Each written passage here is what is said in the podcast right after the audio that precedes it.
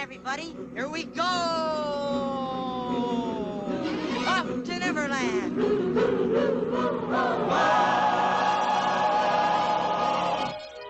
Think of a wonderful thought, any merry little thought. Think of Christmas, think of snow, think of sleigh bells, off you go like reindeer in the sky. You can fly, you can fly, you can fly.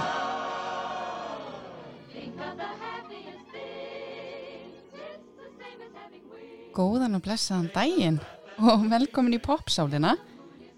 Ég veit ekki hvort þið kannist við þetta fína intro hérna í byrjun en þetta er úr Pétur Pan uh, æfintýrinu sem að þið kannski mörg muni eftir.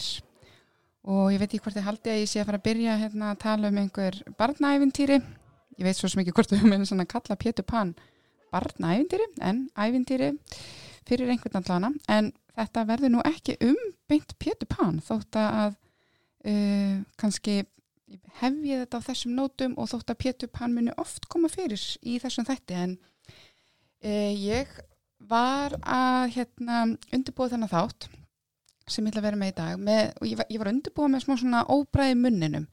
Málið nefnilega það að þetta er efni sem að við höfum lengi langað að taka fyrir en samt ekki og þetta er efni sem að margir hafa beðið mig um á fjallum.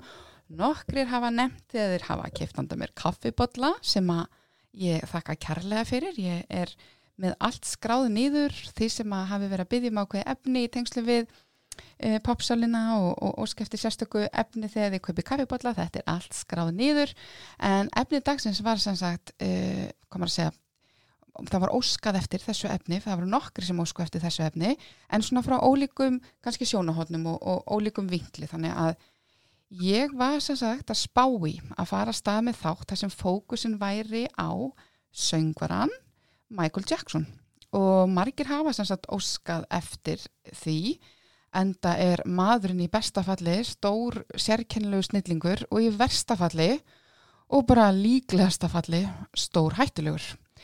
En ég vissi eiginlega ekki sko hvar ég ætti að byrja og vissi eiginlega ekki hvort að mér langaði niður þessa kanínu hólu sem að þetta umfyllunar efni er. Þannig að, já, ég hugsaði bara ekki, hvað ætla ég að taka fyrir? Er ég að fara að taka fyrir bara æfi Michael Jackson? Er ég að fara að eyða hérna kannski klukkutíma ykkar lífi að hlusta á mig ræða um plötunar hans og sigrana í lífinu og eitthvað þegar bara mig bara mér langar alls ekkert til þess. En það er svo ótrúlega margt sálfræðilegt sem að hérna er hægt að tengja við Michael Jackson sem er ótrúlega áhugavert að tala um og sjaldan eða erfitt að finna einn skýr dæmi um svolítið sérkennileg sálfræðileg hugtök heldur en í Michael Jackson. Þannig ég ætla bara eiginlega að fá að nota það. Þannig að máli hans er bara svo ótrúlega einkennilegt og hreinlega bara ekki hægt að sleppa því að fjallum hann uh, þegar ég er að tala um hluti eins og bara líkamskinnunaröskun og sveppröskun, ofbeldi æsku, Pétur Pan, heilkennið og svo framvegis. En ég bara vil láta ykkur vita að ég er ekki að, hérna, að fara kannski eitthvað djúft í uh, ofbeldið eða eða hans glæpi, ég er ekki að fara í það efni hér, ég bara reynlega tristi mér ekki til þess mælu kannski þá bara með að fólk aflýsir upplýsingar um það annar staðar horfi kannski á heimildamyndina Leaving Neverland eða annað efni á netinu um svona barnanheið og, og barnanýð hans, þannig ég ætla ekki beint að fara þangað Uh, og ég vil líka bara láta vita strax í byrjun að þrátt fyrir að ég hafi nú kannski verið aðdáðandi sem krakki þá á ég bara mjög erfitt með að vera í þeim spórum í dag og ég bara trúi öllum þeim sem hafa komið fram og sagt sína sögu uh, af honum og geng því rauninni bara út frá því hreinlega að í þessum þætti sé ég að tala um tónlistar snilling sem er líka bara stór hættilegu barnaneyðingur. Bara svo þið viti svona hvar ég stendi í þessu máli. Einni langar mig líka nefna að ég tók bara viljandi ákvörðunum um að festast ekki í einhverjum heimildatháttum og sögum og greinum um líf hans og sigra eða ferill. Ég bara ákvaða að, að vera ekki eigða minni orku í það þannig ég komir bara ekki dóla mikið inn í hans tónlistaferil og sigri því, svona sigurum því tengdu. Þannig að fókusin í þessum þætti verður bara á sérkennileg sálfræðileg fyrirbæri sem að uh, ég ætla að ræða um og nýta Michael Jackson sem dæmi.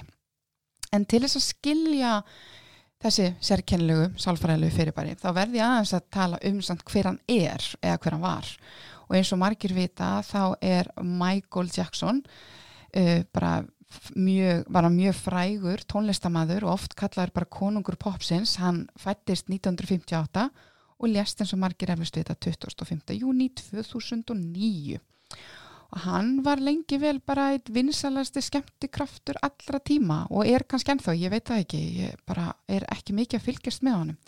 Hann hóf tónlistaferil sinn með fjölskyldu bandinu Jackson 5 árið 1965 og bandið spilaði á ýmsum litlum stöðum og til dæmis verslunamiðstöðum eins og hún Brittany okkar um, og var síðan bókuð á, þess að bandið var bókað á svona barna tískusýningu árið 1965 sem að sömu vilja meina sé svona upphafið af Jackson 5 storminum sem átti síðan eftir að skella á.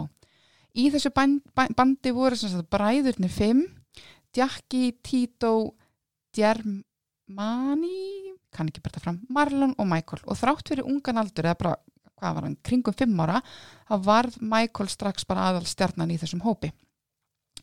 Samkvæmt bræðrónum þá ólust þau sískinin sem voru nýju talsins upp á erfiðum stað í Geri, Indiana og vildi faði þeirra sem heiti Joe gera allt sem við hans valdi stæði til að komi veg fyrir að þeir bræðurnir færu ranga leið í lífinu eða myndu lenda í einhvers konar vandræðum. Þannig að Jackson 5 varð bara að stórri bombu og þeir seldu yfir einhverju hundra miljónir platna og en svona í kringum eða svona upp úr 1970 þá fóru vinsaldir fjölskyldu bandsins sem að Joe, fadir þeirra stjórna eins og harðstjóri, að dvína. Og Joe fór þá bara fókusa meira á sóloferil barna sinna og snemma kom bara í ljós að Michael yrði þeirra, komur að segja, fremstur sískinuna í þessum sóloferli þótt að þau var nú mörg slegi í gegn. Og hann bara fór og hóf sinn sóloferil í kringum 1970-71 og varð mjög fljótt freka vinsæll.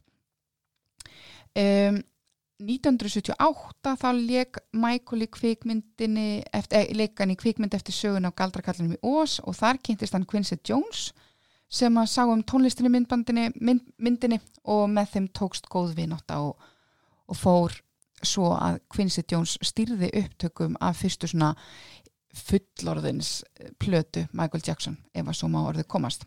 Þessi plata kom út árið 1979 og heitir Off the Wall og var fyrsta soloplatan hans til að seljast í einhverju svona miklu magni en hún seldist í einhverjum 7 miljónum eintaka eflust í bandaríkjunum og gerði Michael Jackson að þeirri stjörnu sem að hann varð síðan. Næsta plata, Thriller, átti eftir að bæta um betur og vel það. Hún kom út 1982 og þegar kom að því að taka upp plötunum Bad þá var bara meira í húfi, það var bara svolítið erfitt að toppa Thriller. Og þarna var Jackson orðin einn stærsta stjarnar bandarískar tónlistasögu og þurfti að gera um betur og, og sagan segir að hann hafi verið með svona minnismiða á speklinum inn á baherbygginu sem ástóð 100 miljónir og svo tala vísaði til þess sem hann ætlaði sér með Bad. Thriller sem sagt seldist þarna í bílförmum Vestanhafs og var komin í rúmlega 109 miljónir platna um allan heim en Bad seldist aftur á móti ekki eins vel eða í kringum 30 miljónir sem er náttúrulega gríðarlega mikið líka. En þetta voru Jackson bara mikil vonbreiði og þótt að platan hafi orðin gríðarlega vinsal, sérstaklega utan bandaríkjana. En það má segja svo að þarna þarna á þessu tímabili hafi svona vegurinn farið svona að, að fara niður og við eftir þetta. Hann gaf út síðan uh, nokkra plötur eftir þetta en gekk ekki eins vel eins og, eins og með hina tvær. Um, síðan bara, ég ætla náttúrulega að fara í allar þessar plötur sem hann hefur gefið út. Hann eitti þarna einhverjum gríðalögum upphæðum í kynningaherferð til þess að kynna sjálfa sig og kynna plöturnar sem þarna eftir komu og það kostaði bara alveg gríðlega mikinn pening þannig að hann var komin í einhverja skuldir og svo var það náttúrulega bara til þess að drepa algjörlega ferilinn þegar hérna og bara gera uh, út um hugmyndir hans um aðrar heimsreisur þegar Jackson var síðan handtekinn og sagaður um barnanýð og öll bara umfjöllun um þau mál urðu auðvitað til þess að skafa ímynd Jackson eðlilega og hann flytur þarna til annara landa og býr til dæmis í Bahrein um tíma hjá einhverjum prins uh, og var á sama tíma bara með herrlaugmanna til þess að reyna að greiða úr fjármálum og, og vesinni í bandaríkjunum. Niðurstaðan var samt svo að hann var nánast skjaldtróta og þegar kom að, því, að þessari hugmynd að halda stóra tónleikaröð í London sem átti að vera einhverju 50 tónleikara þá uh, var hugmyndin svo að, að þarna ætti að bjarga hans fjármálum. Og miðarnir á þessa tónleikaröð sem átti að vera í London hann árið 2008 seldust upp á meðtíma og það seldust þarna einhverju miljónir miðar. Og þetta átti bara svo að bara að reynsa upp hans skuldir og, og hann ætlaði bara að setjast í helgan stein eftir þetta. En eins og við kannski vitum að þá fór þetta annan veg að varð aldrei neitt úr þessari tónleikaröð en hann lést þarna 25. júni árið 2009 en bara nóg um feril hans. Ég ætla ekki að ræða það neitt frekar. Mér langar eins og sagði á hann að fókusa frekar á þessi sálfræðilegu hugtöku eða fyrirbæri sem voru svona ábyrrandi í hans fari og hans hægðun en til þess að útskýra betur fyrsta hugtækið sem ég ætla að ræða um að þá þurfum við aðeins að ræða fjölskylduna. Við þurfum að ræða þessa stórskrýtnu Jackson fjölskyldu en Michael Jackson var sagt sjönda barnið af tíu eða níu, það var eitt, atna, eitt barnið ljast og vilja margi meina hann hafi verið hæfileika mestur af þeim sískinunum en hann fekk líka hvað mest að kenna á því. Pappans uh, Joseph Jackson eða Joe hann beitti uh, Michael Jackson miklu bara harðræði og, og jafnvel bara ofbeldi uh, andlegu og líkamlegu. Ha, sögur segja að Joe Jackson gerði síni sinna út af mikill hörku barðið þá bara hreinlega ár áfram. Hann hefur hérna til að mynda bara viðurkent að hafa oft og reglulega barið Michael Jackson. Michael sjálfur hefur líka sagt frá því að fadir hans hafi beitt honum líkamlega og andlega ofbeldi og tekið dæmi um það að til að mynda þá satt pappi þeirra e, bræðra í Jackson 5 á svona stól með belti við höndina og var tilbúin að slá þá með beltinu ef þeir gerðu, einhver miðstök á, á tónleikum. Sískinin eru þó ekki alveg sammála um alvarleika óbeldisins og hafa margir nefnt að þessar flengingar sem að fadir þeirra átt að hafa stund af hafi þarna á þessum tíma í bandaríkjunum verið bara einhvers konar eðlilegur þáttur í uppeldi barna á þessum tíma. En sko það er ekki bara ofbeldið sem er svolítið einkennandi líka fyrir kannski æsku leys, æskuna hjá Michael Jackson, það er líka bara æsku leysið. Michael Jackson hefur oft talað um það að hann hafi í rauninni aldrei fengið að vera barn. Hann ólst upp bara í svona fullorðins heimi og hann talar um að hann hafi alist upp bara á næturklúpum, á strippbúlum og bara upp á sviði. Og þannig að þetta var ekki bara eitthvað ofbeldi að hálfu föður hans og jafnvel móður sem að einkendi æskuna. Það var líka þessi, e, þetta æsku, æsku leysi. Þótt að þau sískinin séu nú kannski eitthvað ósamala um, um hörkuna sem þau upplöðu þá langar mér nú alveg að nefna hérna að, að sýstir Michael Jackson, hún laði Toya Jackson, hún kærði nú föður sinn fyrir kynferðslegt ofbeldi kringu 1990 en dróð þó kærði hún tilbaka einhverju setna þannig það nú alveg eflust eitthvað til í þessu. Um, Michael Jackson hefur líka talað um bara svona andlegt ofbeldi og niðurlægingu að hálfu föðsins til dæmis átt hann að hafa gert grínað útliti. Michael Jackson að tala um að væri með feitt nef. Í viðtali hjá Ópru Vinnfrey viðkendan til dæmis að hafa verið hrættu við föðsinn og hafa hreinlega kastað upp á hræðslu við að sjá hann. Og hann saðist til dæmis mun eftir atviki þar sem hann heyri móðu sína öskra Joe, Joe, þú veist, þú mynd drepan, þú mynd drepan, stoppaði núna. Þannig að eflust var nú eitthvað í gangi þarna á þessu heimili. Mér langar að nefna eins uh, nokkur orð sem að Kolbrún Baldursdóttir, sálfræðingur, hefur uh, sagt um Michael Jackson. En sem þetta í grein í morgublæðinu árið 2009 þá fjallaði sálfræðingurinn Kolbrún Baldursdóttir um það hvernig það getur verið að alast upp sem svona alheimstjarnar og hún segir, ég tel að lífslaup Michael Jackson hafi mótast út frá þeirri reynslu hans að verða barnastjarnar ung ungur að árum. Það er ekki hægt að búa börn undir það álag sem fylgir því að vera barnastjarnar. þessi krakkar fara á mis við allt það hefðbundna uppeldi sem aðri krakkar fá eða fara á mis við allt það sem hefðbundið uppeldi felur í sér og skyndileg fræð kemur svona róti á hefðbundin þroska feril. Þó að Kolbrún segir marga vissulega að koma heila út úr því að vera frægir á unga aldri, sé það ekki alltaf raunin. Og þegar spurt er svona um afleðingarnar þá segir hún að mikil hætta á að sjálfsmyndin brenglist þegar allar aðstæður verða svo óeðlilegar. Verðmæta mat brenglast líka verulega þegar einstaklingarnir þurfa klást við bara svona skyndilegt ríkidæmi. Tilgangsleisistilfinningin grípur líka oft um sig og það að gleðjast yfir bara litlum hlutum verður þeim bara ómögulegt. Kolbrún segir uh, vanlíjan barnastjarnar brjótast út með bara misjöfnum hætti þegar framlega stundir. Hún segir til dæmis ég held að Jackson hafi nú aldrei verið kannski orðað við eitulifi neyslu en merki um vanlíjan hans má klárlega sjá að öllum bara þeim lítaðgerðum sem að gegst undir æfinni og uh, það er mögulega endur spekla þessa leit hans að einhverju ró sem að var síðan vand fundin, segir hún. Og hún heldur áfram og segir þessar stöðugu breytingar á ytra útliti held ég að lýsi mikill í innri tókstreitu og tómleika. Það eru vísbendingar um að sjálfsmynd hans hafi verið sköttuð. Bæði líta aðgerðnar og svo svona stjórnlaus peninga eðsla lýsa þessari þörf fyrir að fylla upp í eitthvað svona tómarum. Uh, Michael hefur sjálfur sagt sem að hann hafi aldrei átt eðlilega æsku, hann hefur aldrei fengið að gera skemmtilega hluti sem börn fá að gera og sem fullorði maður þá er rauninni bara í staðin skapar hann sinn svona eigin ævintýra land eða nefiland sem er skemmtigarður og bara heimilans og er það nefnt í höfuðið á, á, á staðnum þar sem að sögurnar um Pétur Pan eiga sér stað. En Pétur Pan er eins og margir uh, vita bara skaldu persona sem gatt flóið og fullornaðist aldrei og Michael Jackson hefur oft sagt að hann samsamið sér mikið við Pétur Pan og finnist hann bara vera þessi tíndi strákur í hvergi landi.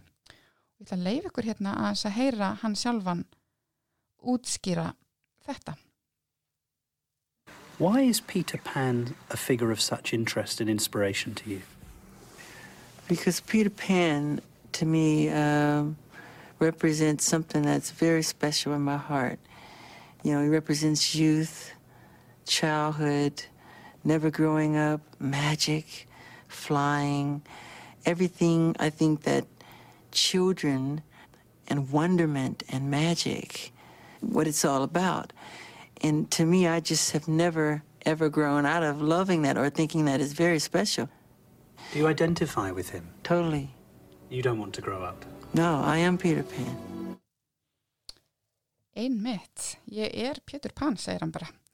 Og hann hefur nefnt þetta í bara mörgum viðtölum, þannig að mér langar hans að taka fyrir þetta heilkenni, eða syndrom sem kallast bara Pétur Pan heilkennið, en það vísa sér til þess þegar fullornir halda áfram að haga sér eins og börn eða úlingar án þess að taka ábyrð á bara svona gjörðum sínum og, og þeim skildum bara sem fylgja því að vera fullorðin. Þetta eru einstaklingar sem að neyta alast upp og virðast vera með svona ábyrrandi, kannski tilfinningarlega vannþroska sem að felur jafnvel í sér bara stert óryggi og mikinn svona óta við að vera ekki samþyktur öðrum eða elskaður.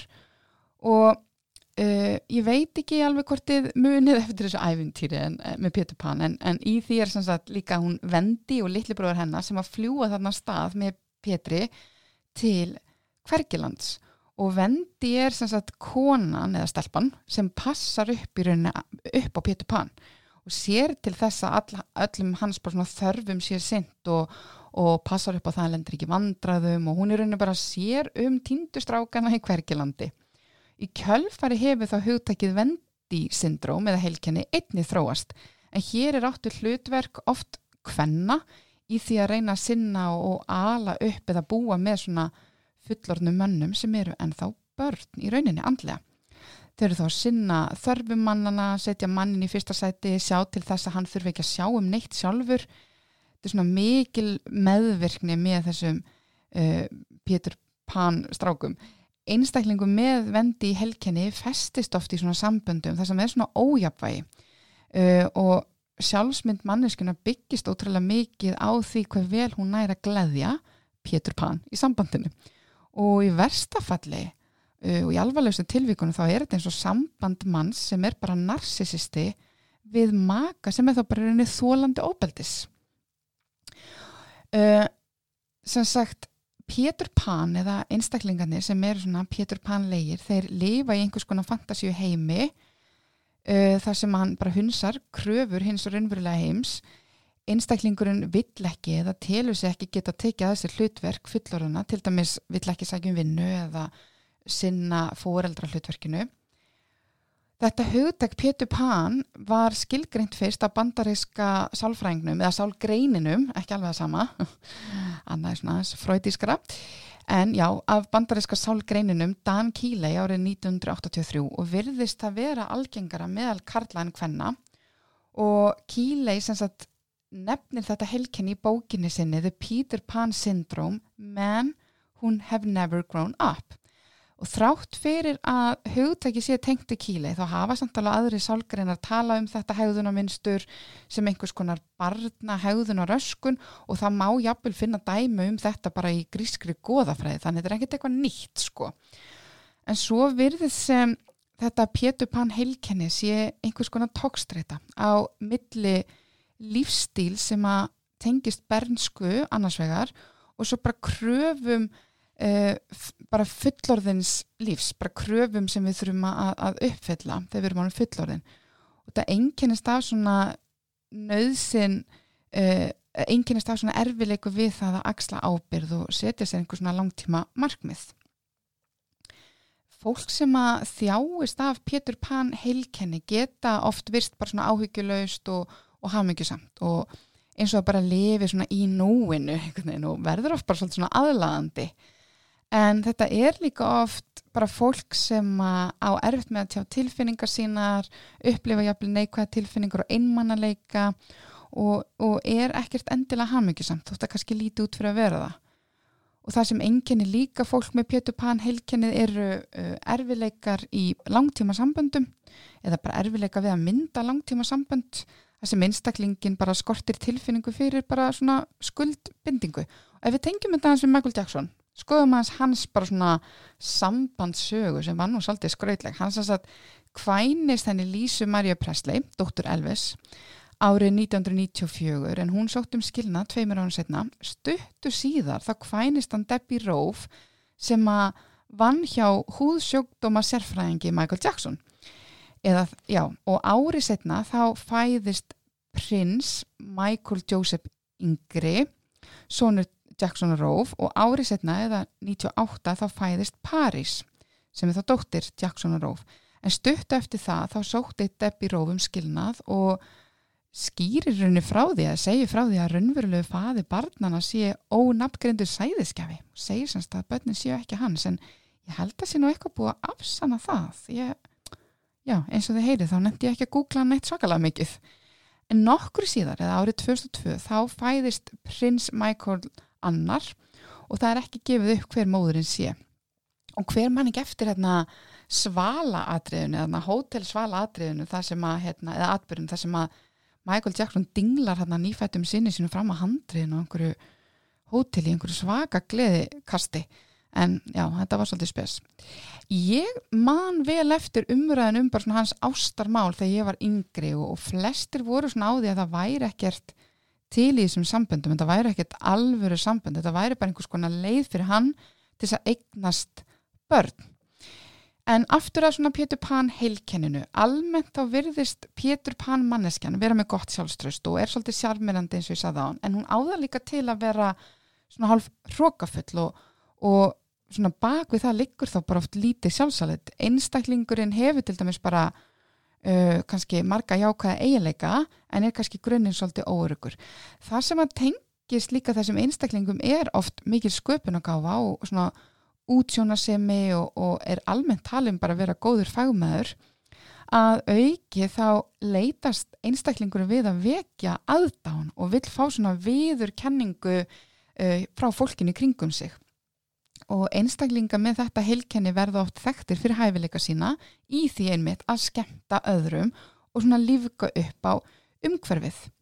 En í engalífinu, þegar þú kemur svona nær manneskunni, þá er þetta alveg ótrúlega krefjandi einstaklingur.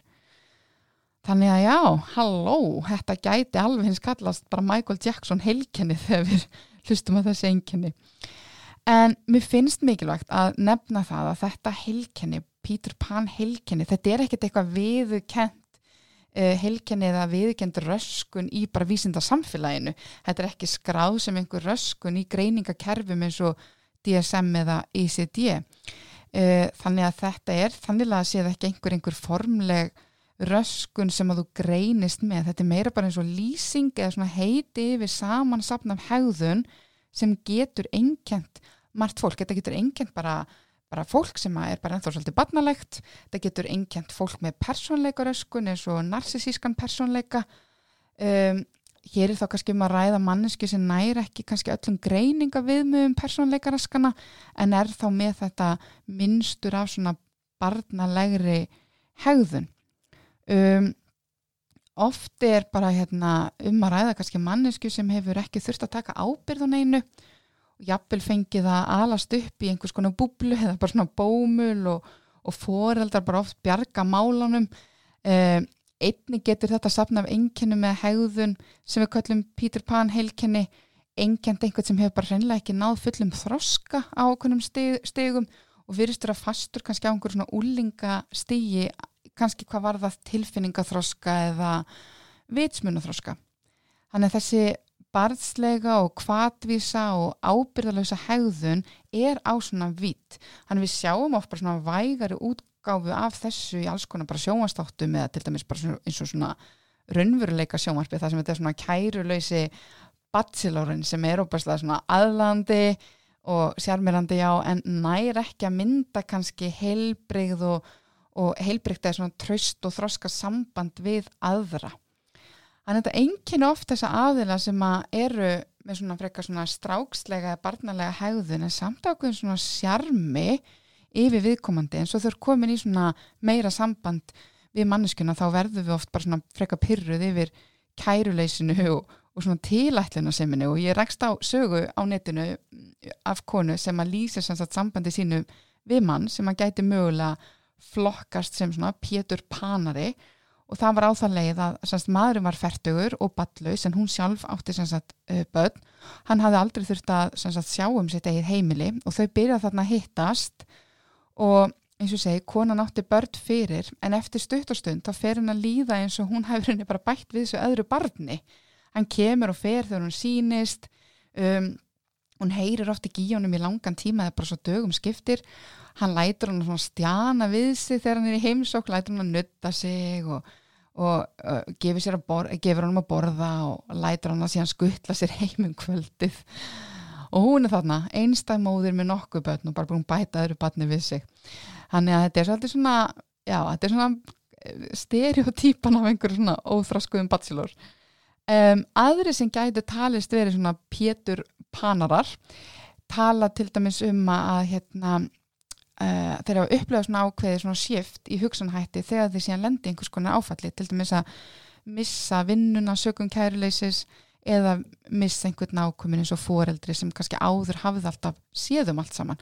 Og þá kemur ofta einhvers konar hástökk í þroska og þeir þurfa svona að taka á sínum málum og, og, og bæta sig Önnur enginni þessa heilkennis eru til dæmis erfileika við að setja sér markmið, kæruleysi, erfileika við að tjá tilfinningar sínar, frestunar árætta, ákveðin svona magic thinking eða svona töfrahugsun, þar sem þú heldur alltaf bara einhvern veginn að vandamálfinu bara leysast eins og bara fyrir töfra, til dæmis bara æ, ég bara þarf að vinna í lotto í þess að borga þessar skuldir eða þú hoppar á einhverja, einhverja, einhverja, lest, einhverja svona píramítaskam eða eitthvað.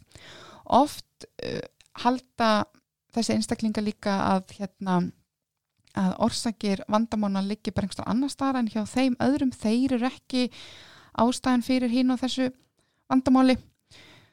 Um, orsakir þess að heilkennis geta að veri bara alls konar, það er ekkert búið að finna eitthvað eitt, eitt ákveðið en það má tengja heilkennið, Peter Pan heilkennið um, til dæmis við bara mjög góða æsku þar sem að manneskjan er að reyna að viðhalda hamingjusumum svona augnablikum sem þú upplifðir. Og þá er oft talað um svona nostalgíu uh, pælingar, þetta sé svona nostalgíu tenging, þú ert að reyna að halda í einhverja tilfinningar úr æsku um, og vilt ekki þroskast í rauninu upp úr því. Svo eru aðrar hugmyndur um orsakir, önnur til dæmis tengist í að þú hafir ekki náð að læra að verða fullorðin, þú er ekki fengið tækifæri til að læra borgarreikningana, sækjum störf og, og þrýfa húsið þitt og, og, og þurfa svona að takast á við lífi og tilveruna. Aðri vilja tengja þetta heilkenni við bara miklar áhyggjur af bara fullorðinu lífi, þú ert með einhver svona kannski fjárhags áhyggjur og jafnvel bara einhvers konar vonleysi þú sérði einhvern veginn ekki leiðina út úr þínum vandraðum og þá bara festust í einhverju svona barna hegðun og, og í sálgreiningun er oft talað um svona regression, þú svona bakkar og, og verður barnalegri. En algengasta svona orsökin sem að við sjáum nefnda er slæmæska og jafnvel svona stólin æska þannig að þú ert raun að endur heimta stolna æsku. Þannig á fullorðins árum um, með auknum frelsi og auknum peningum og auknum völdum þá ert að sækja í það sem þú tapar. Og ég held að við séum flest öll að tengja það við Michael Jackson því að hann tala svo oft um það hann hafi bara sennilega ekki fengið að vera krakki. Og hans svona Pétur Pan helkenni það er svo ykt, þetta er svo ykt útgáfa af þessu, menn hann reynlega uh, lætur hanna fyrir sig bara hvergiland Pétur Pan veröldina um, þannig að þetta er ótrúlega ykt dæmi um Pétur Pan helkenni þessi saga Michael Jackson og, og, og þetta Neverland búgarðin sem að hann hannaði þarna. En mér langar aðeins að koma inn á þessa barnaneigð sem að er, við erum fann að tengja fyrir Michael Jackson að þau sko, ég man þegar sögurnar um barnaneigð hans fór á kveik, uh, fór á kreik fyrir mörgum árum þá var ég bara náttúrulega mikið yngri að þá fór ég á einhverju svona varn, ég fór einhvern svona varnar gýr fyrir mannin ég taldi hann væri bara að sækja í stráka því hann væri sjálfur lítill strákur, þau veitu, voru ekki fleira þessari lest einhvern veginn, við bara svona trúðum því að hann var bara lítill strákur, hann fekk aldrei að vera krakki þannig auðvitað vill hann leika við önnur börn. Og ég sko muniði hvað okkur fannst svona næstu því ok, samt, kannski ekki alveg en svona næstu því ok að, að hérna, eða við náðum einhvern veginn ekki alveg utanum það, hann fór hérna í langa siglingu um Kara uh, Karabíhafið með ma Makuli Kölkin Makuli Kölkin, já, og ég kann ekki að byrja nafna þess fram. Og þarna var greiði uh, leikarinn bara 11 ára gamal og svo var það bara nokkur mánu setna, eða 1993 sem hann er dregin fyrir dóm vegna kynferðis ofbeldis gegn 13 ára pildi og árið setna náðist þarna dómsátt í málinu og Michael greitti þarna 20 miljónir dala til þess að málið er fallið niður. Og ég man, ég man að við hugsaðum bara, ha, hann er greinlega einhver að reyna að græða bara á manninum. En ég sjálfa bara krakki þarna, þannig ég, ég man einhvern veginn bara að maður kannski, maður fór ekki strax í þann gýr að trúa þólendum og ég man að maður byrja að fá svona frekar svona skrítna mynd á honum en einhvern veginn, þetta fekk að slæta en mér finnst þetta bara svolítið svona áhugavert og, og mér langar að leiða ykkur að heyra hérna svona annað hljóðbrot þar sem að hann talar um æsku sína og þá skoðun sem að fólk virðist hafa verið komið með á honum But I must confess it feels good to be thought of as a person, not as a personality. Because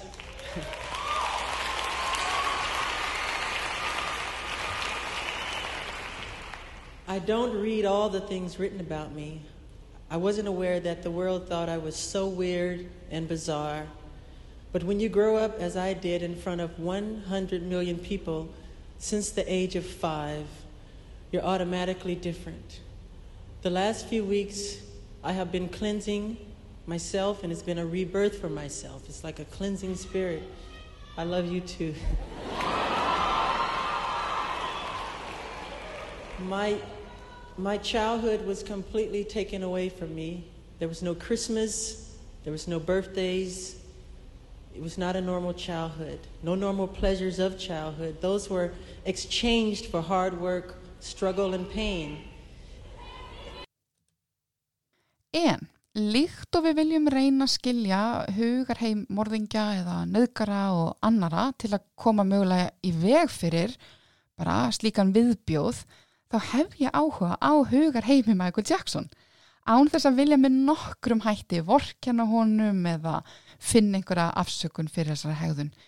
Um, líka bara því við meðum ekki gleyma því að það er, bara, það er því miður fullt af fólki sem að ymmit upplifir ömulega æsku og upplifir vannrækslu æsku og, og, og enda ekki á því að nýðast á öðrum börnum. Við skulum bara ekki gleyma því veist, þannig að þetta er, þetta er engin afsökun fyrir hegðun hans þannig að það að hann hafi ekki upplifa hefðbund æsku afsakar bara ekki raskat skiljið, þetta afsakar ekkert hegðun hans. En það hjálpar okkur kannski mögulega í því að skilja örlítið betur allt sem er bara frekar sérkennlegt við hann.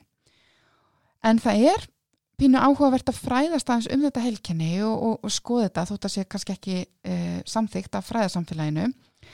En það hafa margir yfir tengt þetta uh, Peter Pan helkenni við ymitt þessa hræðilegu glæpi sem að Michael Jackson er tengdu við eða barnanýð. Sálfræðingar hafa margir flokkað sko fullorna menn sem að beita börnum kynfyrirslega óbeldi í svona þrjáflokka. Það er einn leið til þess að skoða þetta. Fyrsti flokkurinn eru svona menn sem við bara kallum barnanýðinga, menn sem sína hættulega kynfyrirslega hegðun og, og laðast að börnum. Annar flokkurinn eru þessi andfélagslegu glæpamenn. Það eru menn sem að skada aðra um, á alls konar máta, til dæmis kynfyrirslega máta en það þarf ekkert endilega að vera þannig. Þarna er þó þessi kynfyrirslega örfun ekkert endilega aðalatrið.